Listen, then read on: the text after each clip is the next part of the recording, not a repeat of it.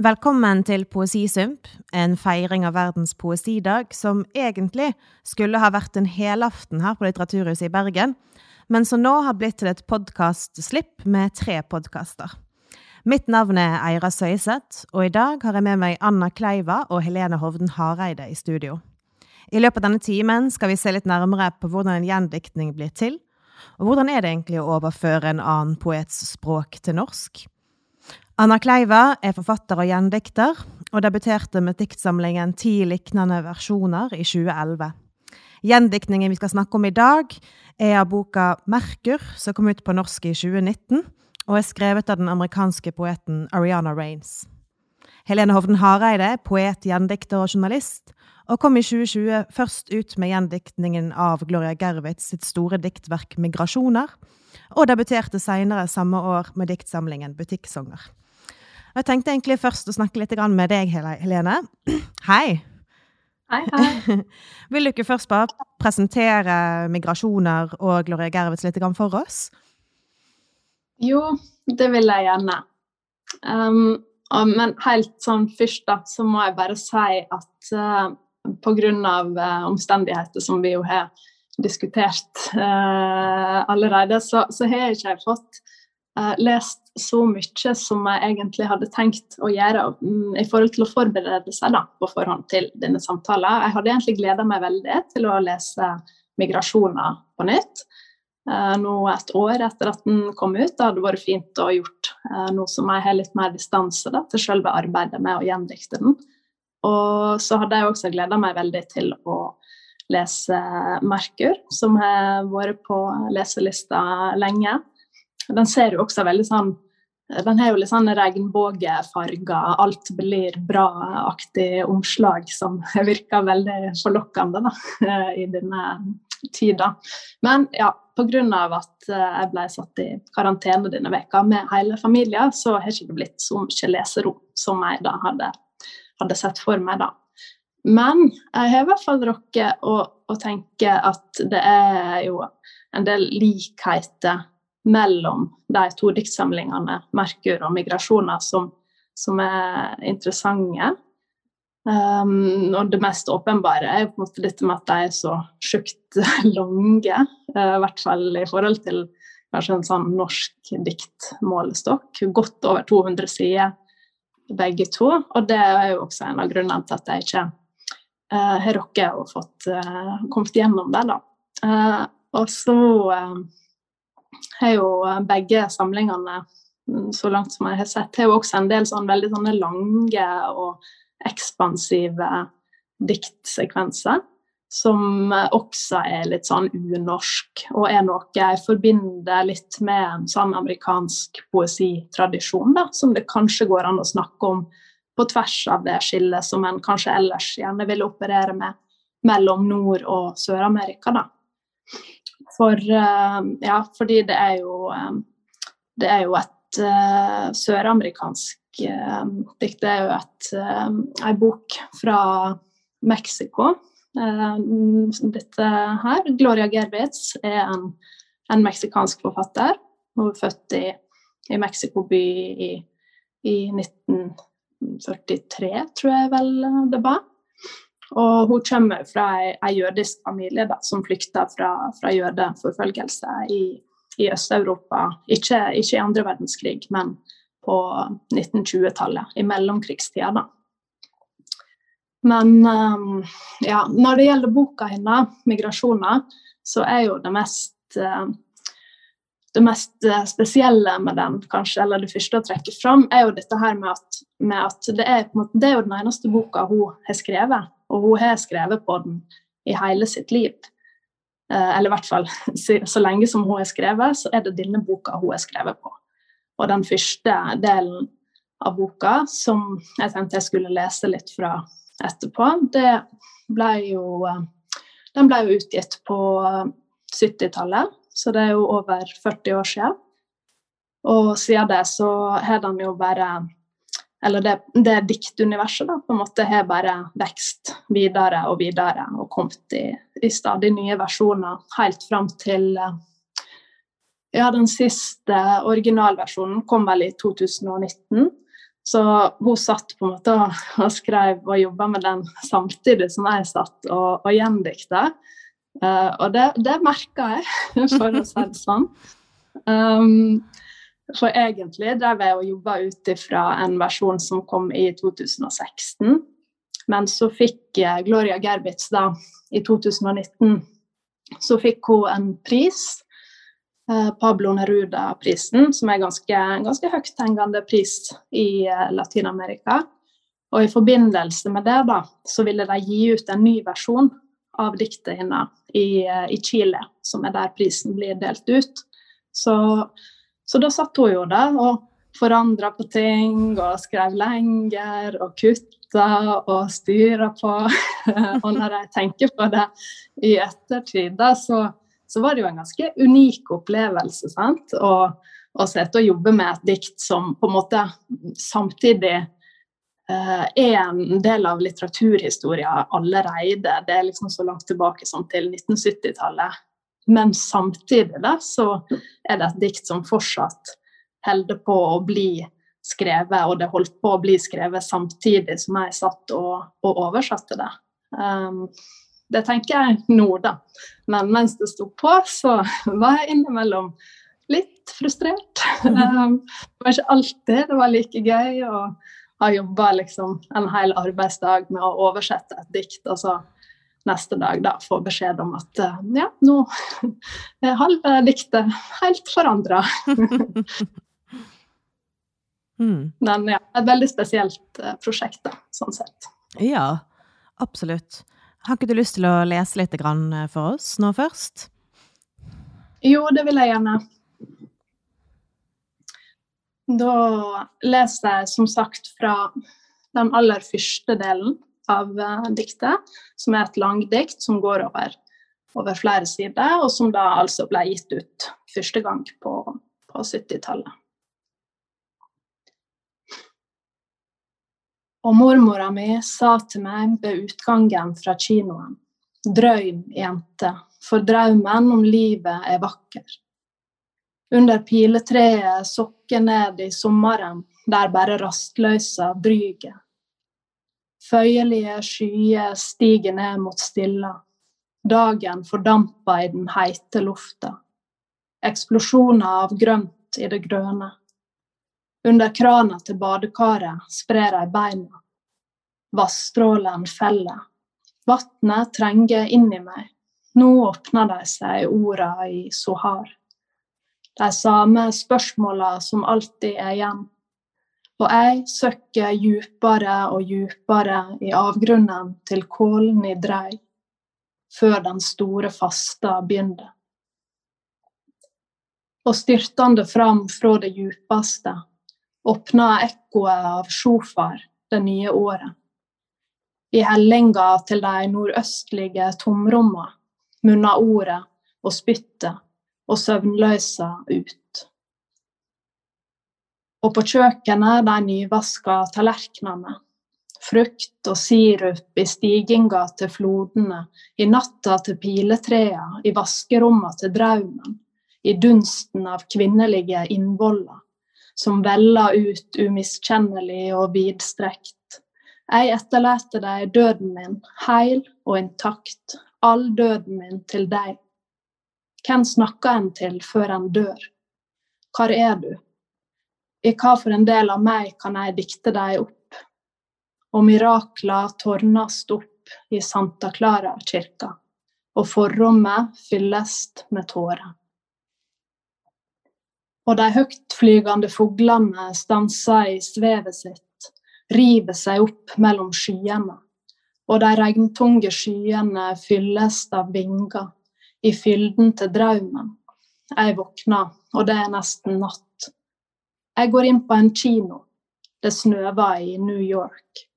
Jeg går inn på en annen kino. Nåtida er bare ei omstendighet. Jeg går ned. Klokka er nesten åtte om morgenen og det er januar. Vi foregår inne i oss sjøl. Jeg lever lag på lag av øyeblikk i et flatt perspektiv. Jeg strekker meg over ettermiddager som bare finnes for meg. Og det eneste virkelige er speilbildet av drømmen jeg prøver å knuse, og ikke engang våger å drømme. Kontinuerlig sjølplagiering. Og møteplassen er bare tid. Alt er bare tid. Der noen få trillingblomster i et vannglass er nok til å lage oss en hage. For vi dør aleine. Og døden er så vidt oppvåkninga fra denne første drømmen om å leve. Og mormora mi sa på vei ut fra kinoen, drøm, jente, for drømmen om livet er vakker. Flammen til stearinlysa rusta. Og jeg, hvor er jeg nå? Jeg er den jeg alltid var. Det uventa i å være til. Jeg kommer til opphavsplassen, der byrjinga byrja. Dette er tida, det er oppvåkninga si tid. Mormora tender sabbatslysa fra døden sin og ser på meg. Sabbaten strekker seg til aldri, til etter, til før.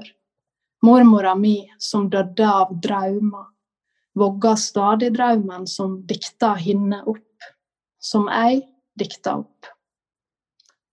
Ei gal jente ser på meg fra innsida. Jeg er intakt. Tusen takk, Helene. Eh, så er det over til deg, da. Anna. Hallo. Hallo, hallo. Hallo.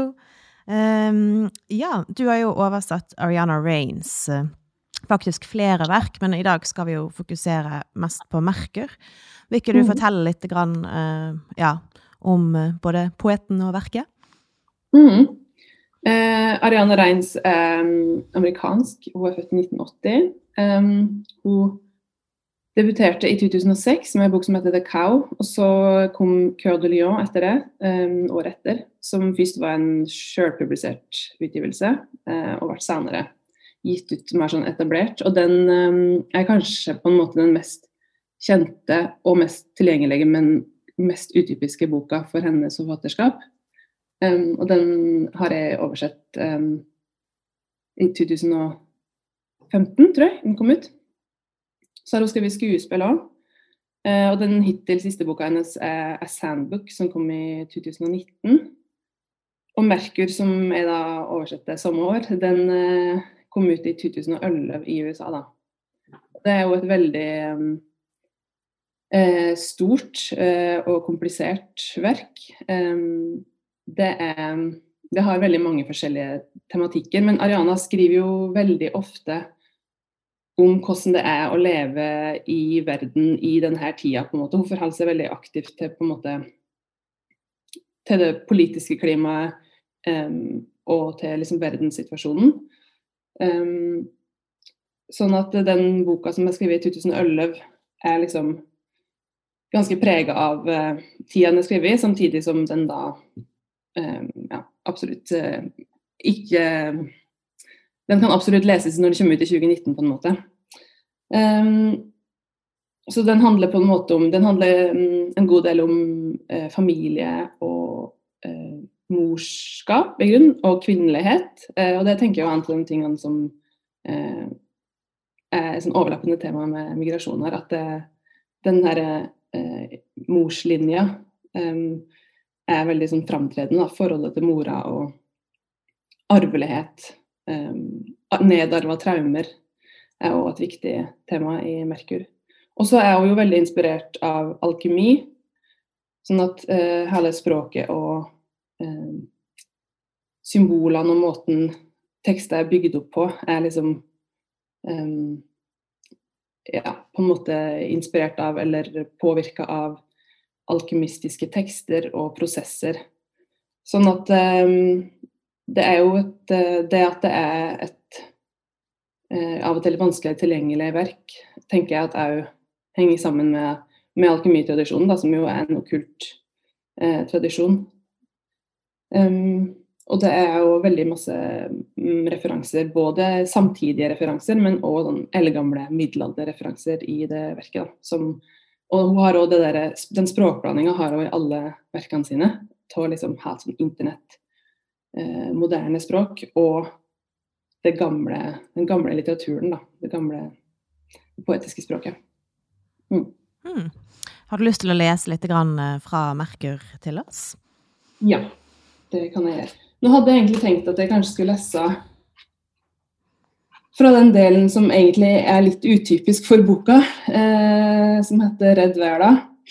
Som er mm, nesten på en måte slags eh, diktessay. Eh, det er en respons på Zack Snyder-filmen 'The Watchmen', som kom ut i 2009.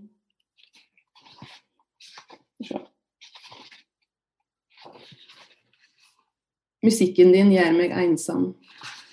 Musikken din gjør meg ensom. Musikken din gjør meg ensom. Jeg plukker en sitron seint om kvelden, hjertet strammer seg. Jeg frykter naturen. Musikken din gjør meg ensom. Det må være jeg som er ansvarlig. Jeg er levende. I de motbydelige scenene, som er veldig lange og veldig valdelige, holder jeg for øynene. Kjæresten min ser på, bestevennen min ser på. Jeg hater begge to for at de ser på. I den store sexscenen har de som er ansvarlige for filmen, valgt å spille 'Halleluja' av Leonard Cohen. Scenen handler egentlig om dette absurde snikmordet på sangen 'Halleluja' av Leonard Cohen. Det virker som om sangen først ble plukka ut for å drepe sexscenen ved å ironisere over knullinga, men så virker det som at de likevel ville at knullinga skulle være opphissende, men det var så langvarig og kvalmende. Du veit, jenta kjedelig, mannen i ferd med å bli skalla, bekkenområdet deres, og noe posete i ansiktet deres trass den sminka vibben. Så direkte, støytende, gretne, middelaldrende dokker som virkelig prøver. Dermed konkluderte jeg med at scenen skulle ødelegge sangen, kjenslene i den og det den står for. Men Halleluja fra Leonard Cohen sin loungeperiode viser allereie en avstand til til og med en slags ironi mot seg sjøl, der den binder bibelsk stordom inn i billig stemning. Sangen er i det hele tatt en lærepenge om at under hva ekkel glans som helst kan ei sjel eller ei sanning røre seg. Jeg holder for øynene i de voldelige scenene. Jeg er så lei voldelige scener. Stor, stor, stor, stor, stor sexscene. Gjør det med meg, gjør det med meg. Ah, ah, ah. Porno. Jeg vil ikke se på. Noen ganger ser jeg på. Når jeg ser på, hater jeg meg sjøl for at jeg ser på. Se hit. Bare bare fortell meg historien. Jeg trenger ikke luksusen ved å se den representert. Bare fortell den til meg. Han ser på. Jeg hører mordet. Nå veit jeg han er vondskapsfull. Noen sin skalle blir smektende knust, han sier jøsses. Jeg er vondskapsfull. Kven sa at å vise alt betyr alt annet? Noe må dekke til, noe må dekke til, skrekken, skrekken, skrekken. Jeg ser at de gjør dette med vilje, jeg ser at de synes vi fortjener dette, vi bør bli straffa. Vi må ville ha det de straffer oss for å ville ha. De gir det til oss, og det er tydelig at de gjør det på denne måten, så grundig, med sånne farger, fordi det er med vilje. Det står klart for meg. De er misnøyde i Hollywood. De skylder på oss, for det som må være graverende vonbrot og sorg for deg, å ha laga så mye, og å bli sett til å lage så mye mer. Disse drapene tar så lang tid, og fargene Hvis det finnes filmer med drap i seg i 2050, må drapene være enda større og lengre. Hva kommer de til å gjøre? Kanskje forma vil dø? Eller noe? Hemmelighalsestetikk? Noe veldig djupt er endelig, uttømt. Skjermene er en del av verden. Det må finnes mange ulike kropper og måter å ødelegge deg på. På en eller annen måte kan entusiasmen for ekkel og monoton slakt og massedød pga. katastrofe i denne filmen ikke kalles en moralsk gest, trass i at filmen tar føre seg etiske dilemma. vi har betalt for dette. Altså, jeg vet at filmer er til for mord og sex. Flere har sex enn gjør mord, kanskje. Dette er livets kjerne. Filmer er til for livets kjerne. Hva er? Bare se på. Om det ikke fantes filmer, hvordan skulle vi kunne fatte livets kjerne? Som med porno trenger du ikke trenge det for at det skal lykkes. Når det lykkes, garanterer det at du kunne trenge det. Noe annet trekker seg attende. Tusen takk, Anna. Kan du egentlig bare begynne med sånn Hvordan kom dere egentlig til å begynne å gjendikte? Eh, var det liksom på forespørsel, eller noe som man liksom fant ut av selv? Vi kan jo kanskje begynne med deg, Anne? Eh, ja, jeg, jeg, vil si at jeg hadde hatt lyst til å gjøre det. Og så eh, ble jeg spurt om å gjøre noen små tekster til Ariana, faktisk. Og så mm, intervjua jeg jo på en festival, og så ble jeg spurt om å gjøre hele den Kø da, som jeg hadde utsett utdrag fra.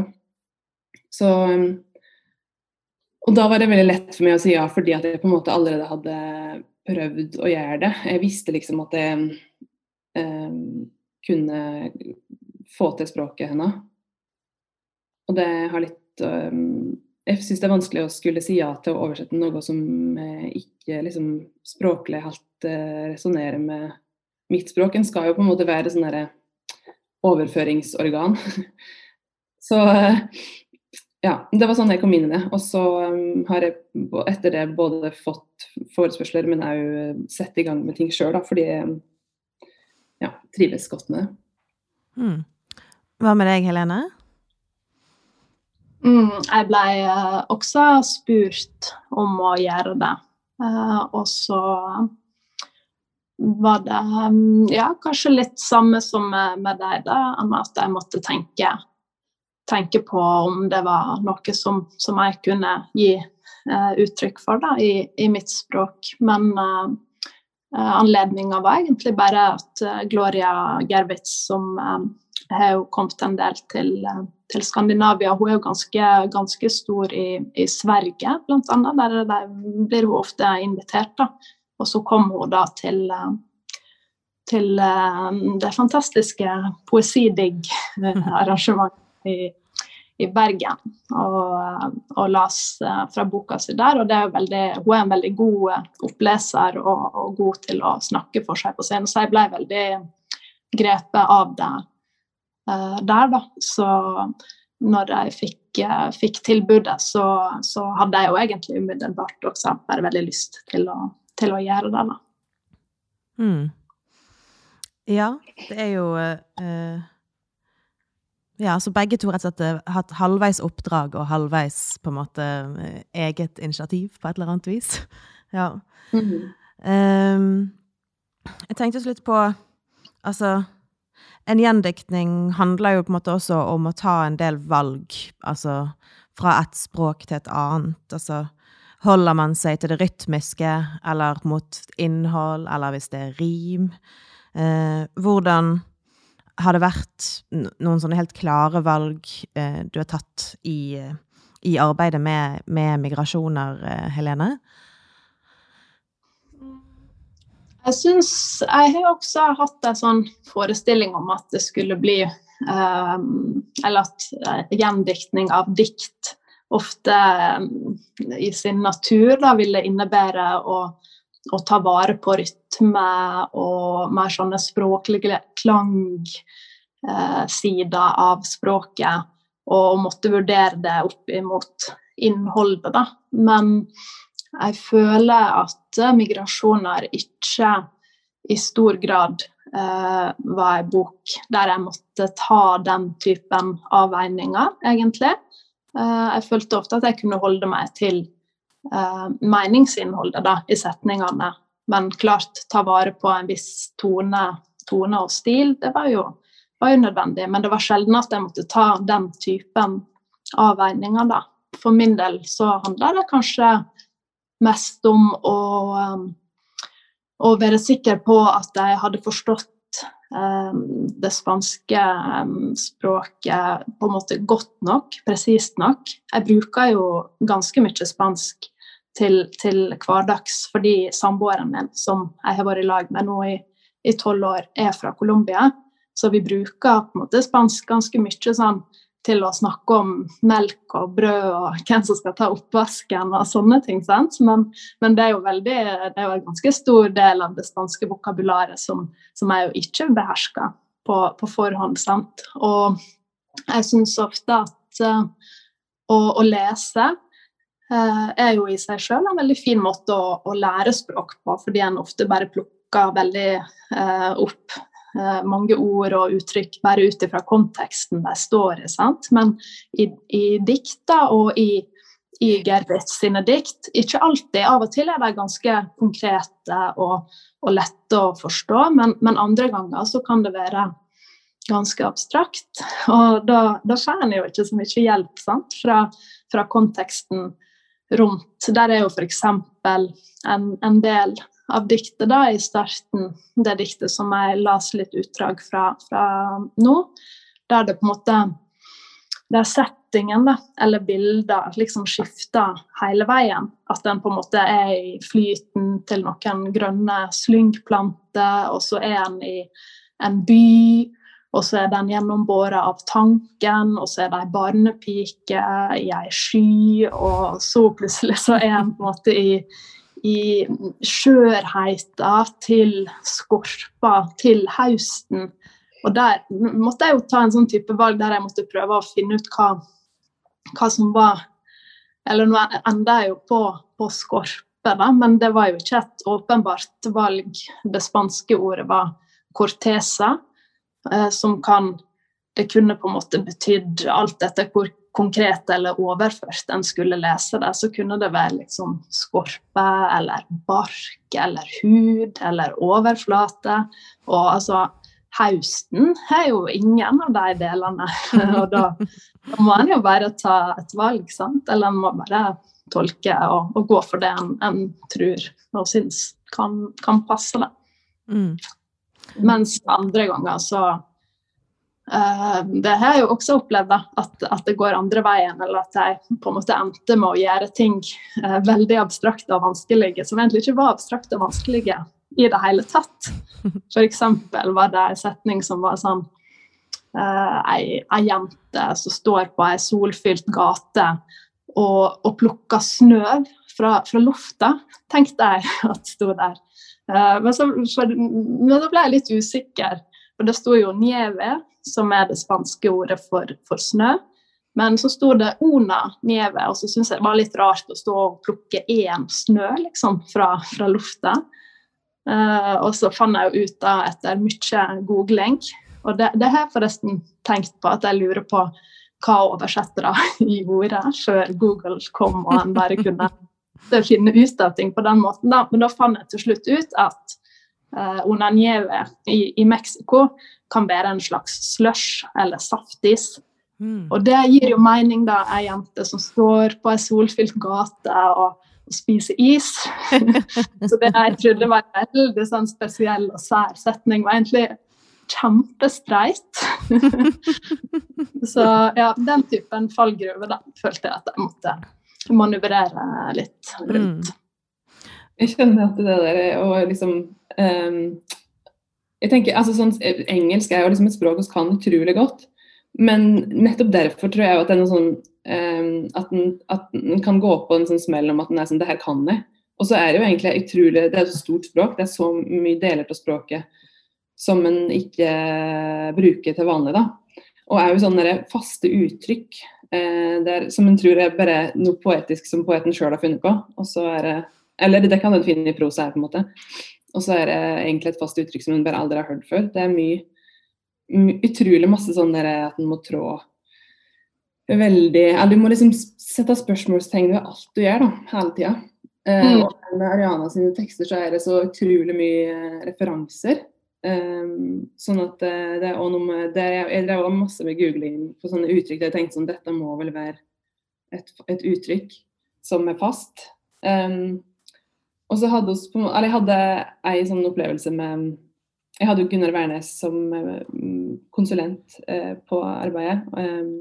og han har jo blant annet ja. Han har veldig god peiling på religion, som jeg ikke har så god peiling på. Og som Ariana er jo veldig sånn um, Ja, hun er inspirert av liksom, jødedom og av um, voodoo, altså diverse uh, religioner.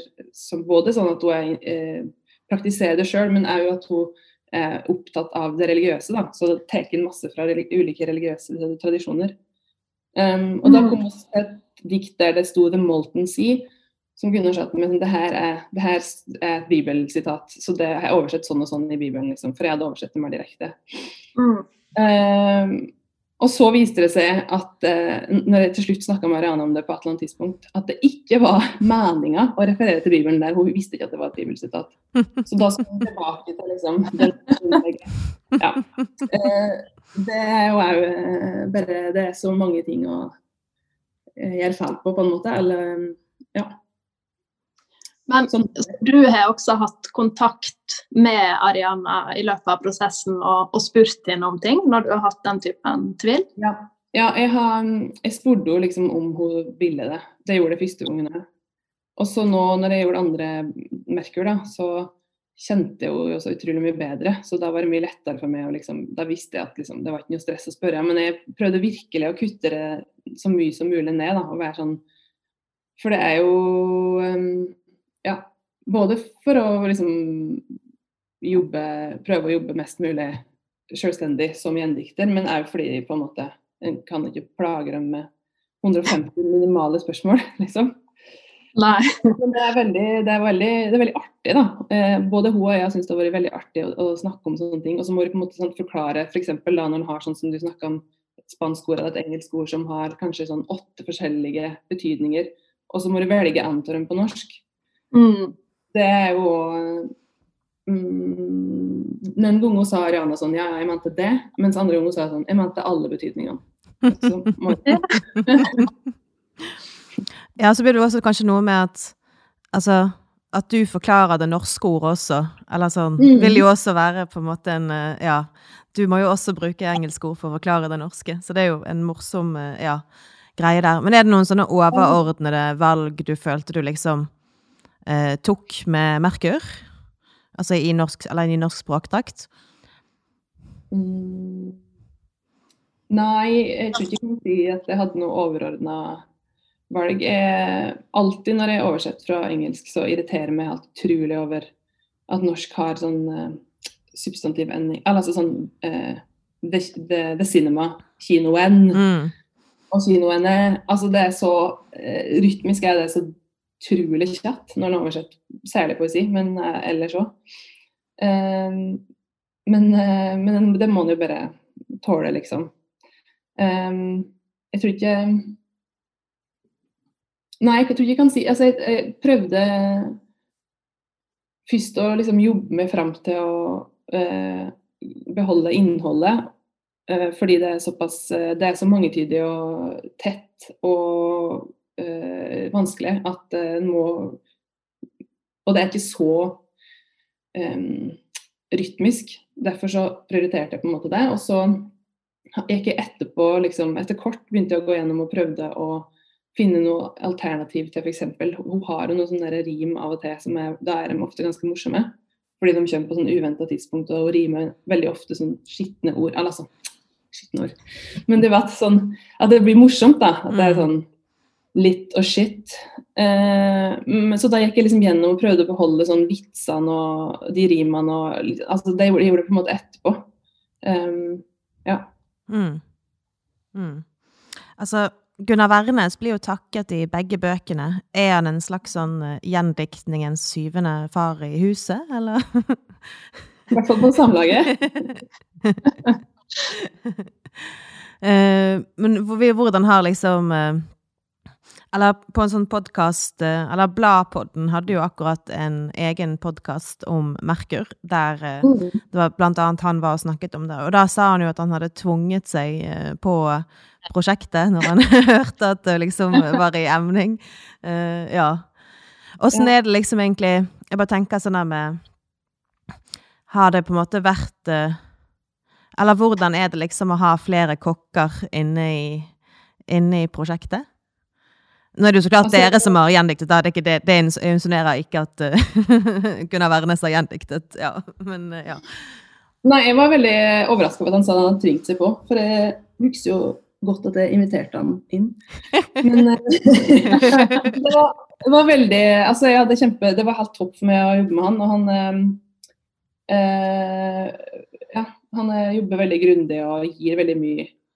Eh, og så har han noe felt som man har kompetanse på, som jeg ikke har så god kompetanse på, som hjelper meg når jeg skulle um, oversette denne boka her. Så um, eh, det var Men det var liksom Og så hadde jeg veldig artige diskusjoner og ja, det var fint. Og det er jo veldig fint å ha noen å snakke om det med, fordi en er så ensom i det. Og det er så, det når en driver med en sånn stor bok som også har gjort at den blir sånn kaotisk og lost inni det, så er det veldig deilig at den andre er ikke nerdete og bare Hm, det ordet her. Hm. Mm. Ja, helt enig. Jeg tenker at med, med gjendiktninger så er det bare en fordel å være flere. En burde nesten være to stykker som gjør det. Eller det er liksom Det er så fint da, å, å ha noen å kunne diskutere ting med. Og ikke sånn Jeg har jo plaga samboeren min litt, sant. Det er jo greit å ikke plage livet av folk en bor med, liksom. Dagens språklige problem, liksom. Eh, så er det jo også det at ja, mm, det trengs jo ofte litt forskjellige typer kompetanse. da, og For min del var det jo også sånn at, at Gunnar han var jo litt sånn primus motor i prosjektet og var jo den som spurte meg. Men han var um, også i selve prosessen der som en litt sånn eh, ja, religions- og mytologikonsulent. Det er jo ganske mye av det i, eh, i eh, Migrasjones også. Og så hadde vi også, hadde jeg også Pedro Carmona Alvarez med som, som medleser, eller det var vel som en slags redaktører, kanskje, da, egentlig. Og det var jo også veldig fint for min del i forhold til, til det språklige og hvordan en på en måte går, går fram, da, eller hva en skal ha som, som rettesnor når en skal, skal gjendikte noe fra et annet språk. Fordi det vet en jo ikke, eller det lærer en jo ikke var, Jeg tror vi hadde sånn vi hadde vel én dag med det på, på Skrivekunstakademiet, og det går vel an å, å studere eh, oversettelse sånn på, i universitetssammenheng og sånn, men jeg vet ikke om, om det da går så mye inn på akkurat det med å, å gjendikte dikt, da. Eller jeg tenker det er liksom Det er jo Det hadde jo vært fint egentlig hvis det hadde fantes en, en gjendiktningsskole eller kurs eller opplegg for poeter, da, eller for poesi. For jeg føler det er noen litt andre valg en eh, gjerne må ta eller forholde seg til, til det. Da. Så jeg føler egentlig at for min del så, så var det litt som å, å gå et år på, på gjendiktningsskole i det samarbeidet med, med Gunnar og Pedro. Så jeg er veldig takknemlig for det. Mm. Mm. Ja, det er jo kanskje interessant Eller jeg har jo også selv gjendiktet uh, Mette Mostrup uh, sin 'Til den smukkeste' fra dansk til norsk. Og det er jo Mm. akkurat som at man uh, Jeg kan jo se for meg at liksom en altså jeg vet ikke, utdannet oversetter kan jo kanskje i utgangspunktet oversette nesten hva som helst, da. Mens at på en måte en poet, eller i hvert fall sånn som jeg har følt det, da, så er jeg på en måte sånn Som en poet så tror jeg at jeg primært kan gjendikte poeter som på et eller annet vis eh, speiler noe som jeg er interessert i, eller noe hvordan jeg jobber på en måte i min egen poetiske praksis. Da. Eh, hvordan eh, Hvordan har Hvordan syns dere at det å gjendikte på en måte Eller hvordan spiller det på lag med, med på en måte din egen poetiske praksis?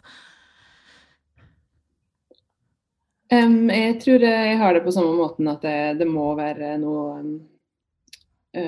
språklig helst på en måte, eller et eller annet sånn måte å kanskje konstruere setninger på eller tenke på som Alle all er jo kanskje tematikker, egentlig, som liksom en må Som resonnerer alle som en føler Men jeg tror det er jo litt at det, du har kanskje en interesse for forfatterskapet, og så Jeg har ofte tenkt at jeg må teste ut og skrive det i min norsk før jeg vet om det går. Men da tror jeg jo egentlig at eh, når du har den følelsen at det kan gå, så går det. Men jeg føler meg alltid veldig usikker på det, om det liksom går an å overføre det. Det er jo ikke gitt at uh, forfattere du liker at det skal kunne funke i ditt språk, da, tenker jeg. For at en liker jo veldig mye forskjellig som ikke ligner på det en driver med sjøl. Mm. Men jeg syns at ja. hm? Nei, jeg tenkte bare ja, hvorfor ikke? Er ikke det gitt? Um, jeg i hvert fall tenker at uh, Nei, Det er vanskelig å svare på, kanskje, egentlig. Men jeg liker så mye forskjellig, og jeg oppdaga at uh, nesten ingen av favorittforfatterne mine ville nesten si at ligner på det jeg driver med. Eller det, det høres bare mer rart ut hvis en skulle tenke noe. Ja, men sånn som Joan Didion, f.eks.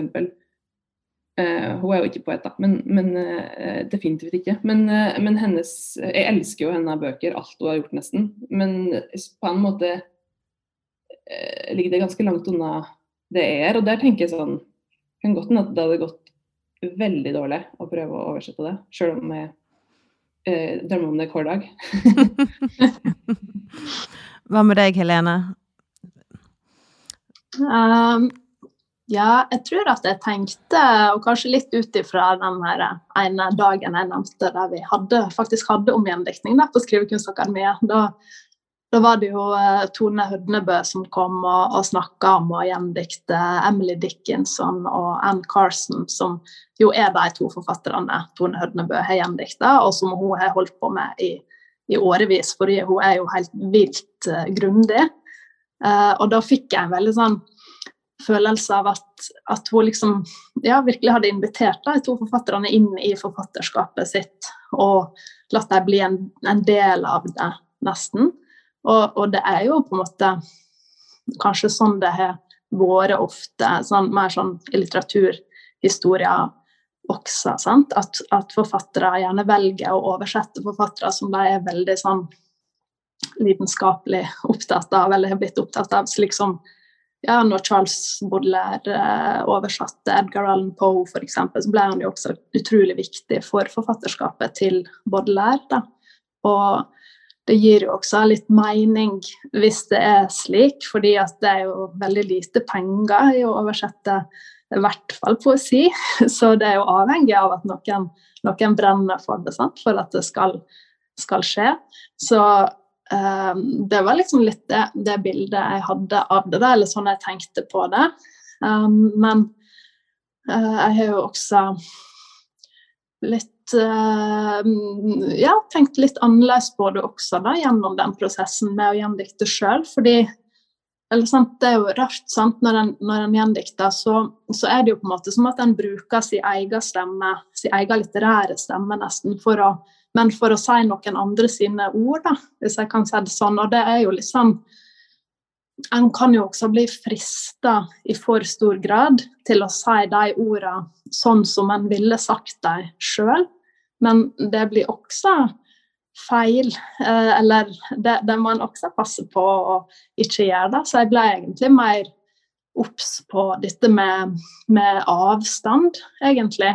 Eh, at, at gjendiktning også handler om det. da, Å klare å la verket forbli det det er, uten å forme det for mye i sitt, sitt eget bilde. Mm. Ja, det, er jo veldig, eh, det er jo veldig kjipt hvis en skulle slumpe til å gjøre det, på en måte. Eller kanskje ikke slumpe til, men hvis den liksom lager det på nytt på en uh, måte som fjerner seg fra, for mye fra det fantastiske ved det som en, den originalen, da. Mm. Fordi det er jo, Jeg kjenner jo noen ganger, noen ganger når jeg sitter og jobber med uh, gjendikting, at det blir helt sånn uh, høy på at Eh, jeg kan skrive de ordene, på en måte. At, det, at jeg kan skrive så bra setninger. Liksom, ja, at, at, du sitter med så bra tekst. Eh, det er en veldig rar ting. At en liksom skal gjendikte, gjenoppfinne, overføre eh, den andre sin tekst på den måten. Mm. Mm. Men så tenker jeg også det handler om det handler jo også på en måte om en sånn formidlingsglede, da. Eller sånn at mm at det nesten I hvert fall jeg personlig har tenkt også på meg selv som en gjendikter som også på en måte bare vil eh, jeg vet ikke, formidle det glade budskapet av Mette Mostrup på et eller annet vis. At det liksom Jeg bare vil at uh, folk skal lese henne. Jeg vil at, uh, at på en måte noen skal plukke opp boken på et bibliotek og lese det i norsk språkdrakt. Ja. En ting som jeg tenker mm. litt på, eller er jo at Altså, ja, vi snakket jo litt om det tidligere, men altså begge disse verkene har jo mange veldig eksplisitt seksuelle uh, ja, uh, verselinjer og dikt. Uh, og så tror jeg tenkte kanskje spesielt på med Ariana Raines, da, så er det jo sånn her at i en engelsk språkdrakt som norsk, så finnes det jo på en måte en avstand i liksom, vet ikke, kokk eh, eller sånt. Men, men eh, hvordan forholdt du deg til, liksom, til, til det seksuelle i, når du skulle skrive det til nynorsk? Nei, det var, det, det var vanskelig, fordi jeg føler at hun bruker ganske mye pornospråk, på en måte. Altså ikke nødvendigvis sånn altså Det er noe poenget i, i, de tekstene, at det skal være sånn derre på en annen måte kommersialisert eller velbrukt eh, pornografisk språk. Og det er jo ikke For det første så er jo ikke, det er ikke sånn at en tekster pornofilmer, på en måte. De er jo ikke, det, er ikke, det er ikke undertekst på norsk. Og for det andre så er det òg noe med Nynorsken er liksom ekstra fjerna fra sånne kommersielle vendinger i språket. Fordi den brukes jo så å si ikke til reklame, f.eks. Så eh, der syns jeg det var, det var, ganske vanskelig å um, finne, finne at de liksom, pornoklisjeene i det norske språket. Um, og så, jeg prøvde faktisk, Det var faktisk en av de tingene som jeg plaga mine venner med. Hva sender sende rundt sånne og hva som er, ok, hva kan jeg skrive, Hvordan kan jeg skrive det på norsk? Til diverse, altså sånn veldig forskjellige typer folk. var sånn, Please, hjelp! for å få det til liksom, ikke være for sånn tilskrudd og mm, liksom konstruert. Da, for at det, det, er jo absolutt ikke i hennes tekster. Eh, men ellers så syns jeg sånn um, Ja det funker Det blir ganske sånn fett på nynorsk, syns jeg, med den, eh, den sexen. Mm. Det blir tett og klamt. Hva var din erfaring med å, å gjendikte eh, jeg vet ikke, det seksuelle? Eller for det er jo litt mm. flaut også. Eller sånn, sex er jo på en måte Eller i denne samme podkasten eh, om Merkur, så sier jeg også Gunnar Wærnes at liksom alt blir litt mer nakent i diktene. Eh, mm. Og det Ja. ja. Eh, hadde du en opplevelse av det, Helene? Mm, ja Jeg syns på en måte stort sett at det gikk bra, da. Men ja, igjen det som vi snakka om nettopp med det liksom å gi, gi stemme til ting sjøl, At det kunne jo føles rart å, å skrive ting Eh, med sin egen stemme, på en måte, men som jeg kanskje ikke ville skrevet da, i, i den, i boka til, til, eh, til, Gloria. Da, så er det jo ofte at um, den jeg, det jeg onanerer til det tisser på seg. Som jeg syns er veldig den ja. uh, Det var litt flaut da de første tre gangene jeg liksom skulle skrive det. da, Og tenke på at ja, dette skal nå mamma og tante og alle skal sitte og lese. dette. Så ja, det blir jo kanskje litt ekstra interessant eller satt på spissen, da, det der forholdet mellom uh, ja, noen andre sine ord da, som uh, gir, gir, stemme til. Men jeg syns jo også at den, den, er jo veldig den er jo veldig um, interessant og, og, kraftfull også, sant? den måten som, som uh, Gloria bruker sex på i, i boka en veldig sånn kvinnelig, uh, litt sånn grensesprengende, ekstatisk seksualitet som, som eh, er, veldig, er, veldig, kraftfull da, og kan bety, kan bety mange, mange, ting. Og, og, som er kanskje ekstra interessant når en tenker på konteksten som hun da har skrevet dette i, sant? på, på 70-tallet i, i Mexico, i en veldig sånn konservativ eh, Eller et veldig sånn konservativt miljø, da. Så blir jo, blir jo den derre uh, så, så, føles det jo mye mer drøyt. Jeg tror ikke, Det er ikke så drøyt. Ikke, jeg har inntrykk av at, at Ariana Rains sine sexskildringer er nok mye hardere og, og drøyere enn enn det som er tilfellet i immigrasjoner. Da. Men I hvert fall altså i 'Merkur', det er jo veldig Den er ganske sånn negativt lada. Altså, den er veldig sånn ubehagelig eh, i forhold til immigrasjoner, som der det på en måte er mer sånn en positiv eh, sexskildring. Og det, det, har han jo mer i, sånn, i Kødeni og, og den til de andre bøkene hennes. Men 'Merkur' er veldig Det er ganske kjipt å lese mange av de sexscenene, egentlig. Ja. Hva, hva, tror du det handler om? Jeg blir veldig nysgjerrig. Nei, jeg synes det er en hmm? Ja, nei, unnskyld, må avbryte.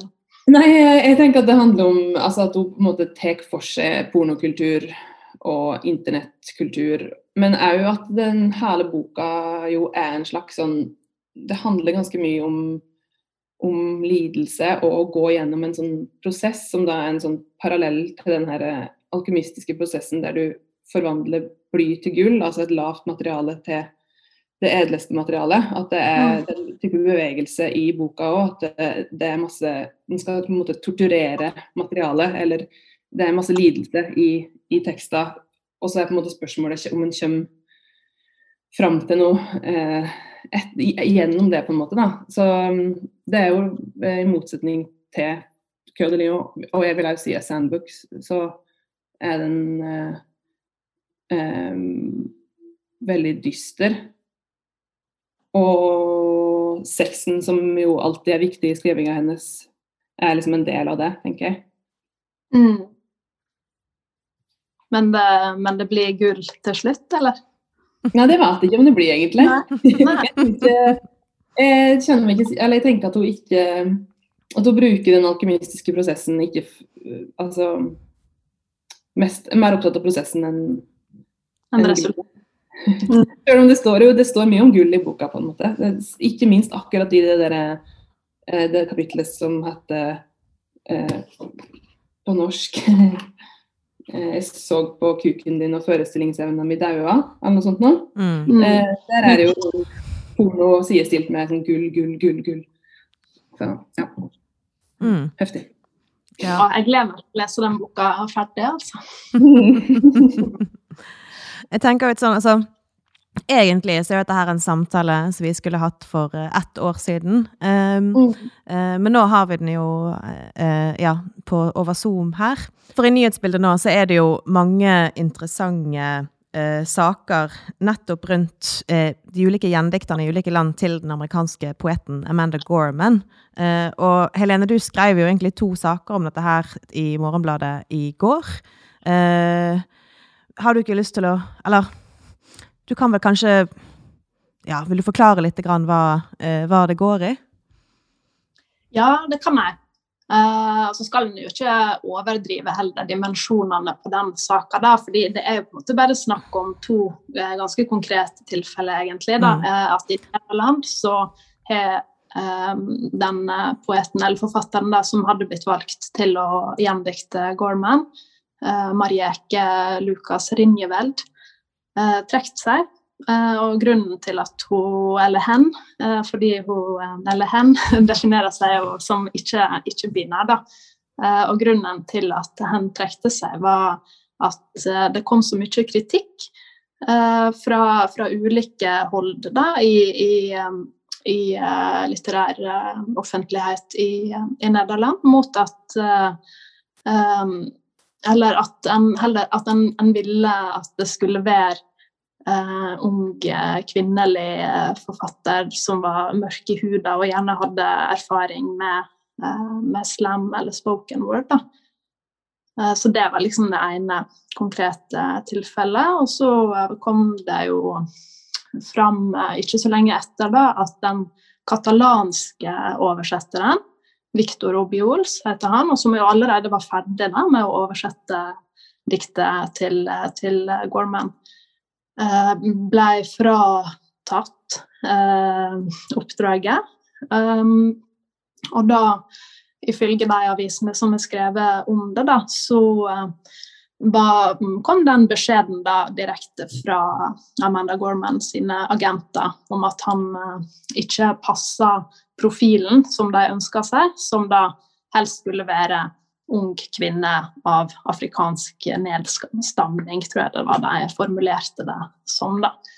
Um, og det er jo det er jo, det er jo ganske spesielt eh, premiss å legge ned, eller hvis det skulle skape presedens, liksom, så, så, så, kan en jo komme opp i noen ganske sånne latterlige situasjoner eh, i forhold til valg av, av gjendikter. Da. Jeg syns egentlig at han oppsummerte det ganske fint. Han her er Viktor Obiolstad, som skrev at eller som sa til avisene som intervjua han, at hvis han ikke var at han liksom ikke hadde rette profilen eller var skikka til å, å, gjendikte en ung kvinnelig poet fra det 21. hundreåret i, i USA, så, så, kunne han jo heller ikke gjendikte Homer, fordi at han er jo ikke en greker fra det åttende århundret før Kristus. Eh, sant?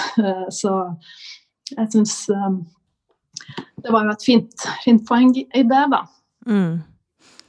Men det er jo likevel interessant, tenker jeg. Eller sånn Likevel så er det jo Jeg tenker at det er noe som er godt også med å ha Eller sånn så Hvordan for eksempel uh, Ja, Gunnar har vært med og som en slags mytologi- uh, eller religionekspert i liksom i jobbingen med ting. Eller at man liksom Eller i og for seg sånn som så, altså Kristine Elleganger Iversen og Kamara Lundestad Joff har jobbet sammen med tekstene til eh, Claudia Rankin. At det er vel også kanskje noe som er fint med at man utvider litt grann eh, hvem det er som skal være gjendiktere, eller jeg vet ikke helt, jeg.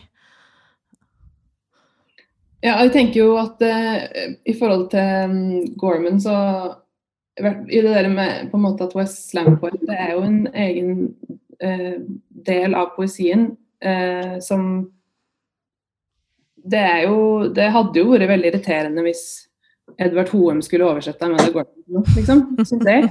Han har oversett masse Shakespeare, og han er god på det, liksom. Men at eh, eh ikke bare kjønnsperspektiv og Eh, det raseperspektivet, da, men at liksom en, en, en, vil jo velge den som en tenker har um, ja, kanskje litt ekspertise på det feltet. Jeg er jo ikke noe f.eks. har veldig lite peiling egentlig på slampoesi. Altså, jeg, jeg, hører lite på det, jeg leser lite på det. Så det ville ikke vært noe for meg, f.eks. Men jeg tenker jo sånn at på en måte eller, kanskje at utgangspunktet for å si at en ønsker en sånn og sånn oversetter til Amanda Gorman det er jo veldig styrt, liksom. Men, men samtidig jeg kanskje ønsker at en skal forsøke å eh, eh ja, mangfoldiggjøre eh, oversetterbransjen òg, da. Og sånn at eh, det, er liksom Jeg tenker at det er, en, det er en fin Så lenge det ikke er liksom et um, en ordre, så tenker jeg at det er en fin ting at en har sånn oss ville sett pris på det hvis det kunne funnet noen som kan eh, forstå det her perspektivet. Altså, det er mange som kan forstå perspektivet. Men ja, at en, mm. legger ned et slags sånn lite ønske, det, jeg skjønner jo det. Fordi eh, altså, Litteratur-Norge er jo megakvitt, f.eks. Så mm. ja. Det er liksom noe med at eh, F.eks. jeg som har oversett nå flere bøker, det er mye lettere for meg å si sånn Å, jeg har funnet en ny bok jeg har lyst til å oversette. Jeg har liksom kontaktene inne, og jeg har gjort det før. Enn det er mm. for den utafor, da. Og, og, enn det var for meg før jeg eh, begynte å oversette. Sånn at det er jo noe med ja, å ikke nødvendigvis eh, la de etablerte ta alle um, alle postene. Mm. Ja. Det er jeg helt enig i, og jeg syns at det, det, er veldig legitimt å å etterlyse eller stille krav til kompetanse og innsikt. Og det har jeg jo kjent på sjøl i forhold til å skulle oversette Gloria Gerbitz. Altså, jeg har jo aldri vært i Mexico og veit ingenting om å vokse opp i en jødisk familie eller katolisisme. Eller, liksom, det er jo ganske mange ting jeg mangler kompetanse på. Mm. Så da er jo igjen fint å få inn andre som har den kompetansen, sånn som det var med, med Pedro og, og, Gunnar. Men også var det jo en trygghet for meg at, at samboeren min er fra Latin-Amerika, og at vi kunne snakke kontekst, sant? og at jeg kunne være sikker på at jeg forsto ting slik de var meint, da, eller ikke ja, gjøre ting rarere enn de er, eller vanskeligere enn de er. At en på en måte skjønner konteksten som en, en oversetter fra. Da. Mm. Men det er jo dette her med dette er liksom kravet om likhet, da, eller denne her at det skal være ung kvinne og mørk i hud. At liksom at det skal liksom se ut som Amanda Gorman, eller at det skal være liksom en representant for Amanda Gorman, heller enn noen som har forutsetningene eller kompetansen som kreves for å forstå på en måte hva diktet handler om, da, som, som blir problematisk. Eh, men selv om, selv om, det er jo et, et veldig legitimt poeng i seg sjøl at, at en eh, kunne ha godt av å ha um, mer mangfold da, i hvem som uh, oversetter i, um, i, ja, i, egentlig i Norge og i andre land i, i, Europa også. Men jeg tror jo også det handler litt om eh, kanskje om, om, diktet til, til Gorman også, da. Og hvordan eh, Altså, eh, det er jo det er jo ikke et dikt for deg som er veldig opptatt av sånn autonomi, estetikk. Eh, det, en ganske stor del av det diktet er jo også eh, sammenhengen det inngår i i seg sjøl. Liksom det punkthistoria der det ble framført eh, etter alt da, som hadde skjedd med angrepet på, på Capitol og eh, den siste bølga av, av, sinne og demonstrasjoner og oppmerksomhet mot måten svarte blir behandla på og har blitt behandla på i USA. ikke sant? Og ut ifra det så er jo Amanda Gorman sin person, innen sitt etos, på en måte, som retorisk avsender av det diktet, er jo ikke irrelevant. Det er jo en veldig stor del av krafta til mm. diktet, og det hadde jo ikke altså hadde, hadde, en av oss da stått og skulle lest opp det diktet, eller en hvit mann altså, Det hadde jo ikke hatt den samme effekten og styrka som, som det har. Diktet i seg sjøl er jo ikke det er ikke så eller altså, det, er jo, det er jo et godt dikt, men en del av det som gjør det godt, er uh, Amanda Gorman som ja, sitt, um, sin, sin, person, da, eller sitt etos. Jeg tror kanskje også derfor da, så blir det mm. uh, fan den diskusjonen, eller at en får et sånn ønske om å finne en person som bare skal ligne på henne og kunne være henne stedfortreder, på en måte, i, i andre land og andre kontekster. da. Mm. mm. Har dere noen nye gjendiktningsprosjekter som dere holder på med nå? Helene, har du noe på gang, eller? Ja, faktisk. Eh, nå er ikke det veldig sånn bekrefta enda, da. Men eh, jeg skal mest sannsynlig oversette en eh, chilensk forfatter som skriver noe som da blir kalla for non-fiction, om eh, fire europeiske vitenskapsmenn. Sin på en måte om livet deres, men ikke om det heller, da, men om teoriene eller hva de fan, fan, uh, kom fram til. da.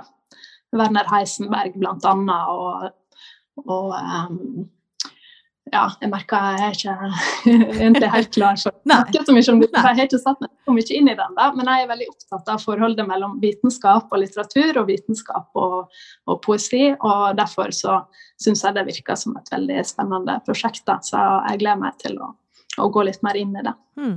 Men er det et poetisk verk, eller er det prosa? Det er prosa. Det er en slags hybrid da, mellom, mm. mellom sakprosa og, og eh, roman. Mm. Men eh, ja, jeg har ikke lest hele en gang ennå. Jeg er liksom fortsatt veldig på et veldig tidlig stadium der, da. Så ja. Mm. mm. Hva med deg, har du begynt på The Sandbook, eller, eh, eller Sandbook? Nei, jeg har ikke det. Um, det. Altså, jeg føler fremdeles at uh, hugget mitt er litt sprengt etter Merkur. Det var um, Først gjorde Merkur, og så kom korona etterpå. Så jeg føler at uh, hugget mitt ikke fungerer som normalt uh, fremdeles. Um, og den boka er jo så enorm. Um, så vi får se om det skjer. Men uh, jeg er i gang med å oversette en roman av Eve Babbitts mm. som heter 'Slow Days Fast Company'. Og det er utrolig artig. Det er nesten det artigste Det er det artigste jeg driver med om dagen. Det er jo ikke så mye artig om dagen. Nei. Og, tusen takk for at dere begge to eh, ville komme eh, ja, hit på skjerm. um, og at vi kunne bruke en time på å snakke ganske nerdete om uh, gjendiktning. Det har vært en glede. Uh, ja. Mm. Og så uh, ses vi vel sikkert en eller annen gang. en eller annen gang så blir det poesi på en scene. Jeg tror, jeg tror på det. Ja. Tusen takk. Takk til Helene Hovden Hareide og til Anna Kleiva. Mm.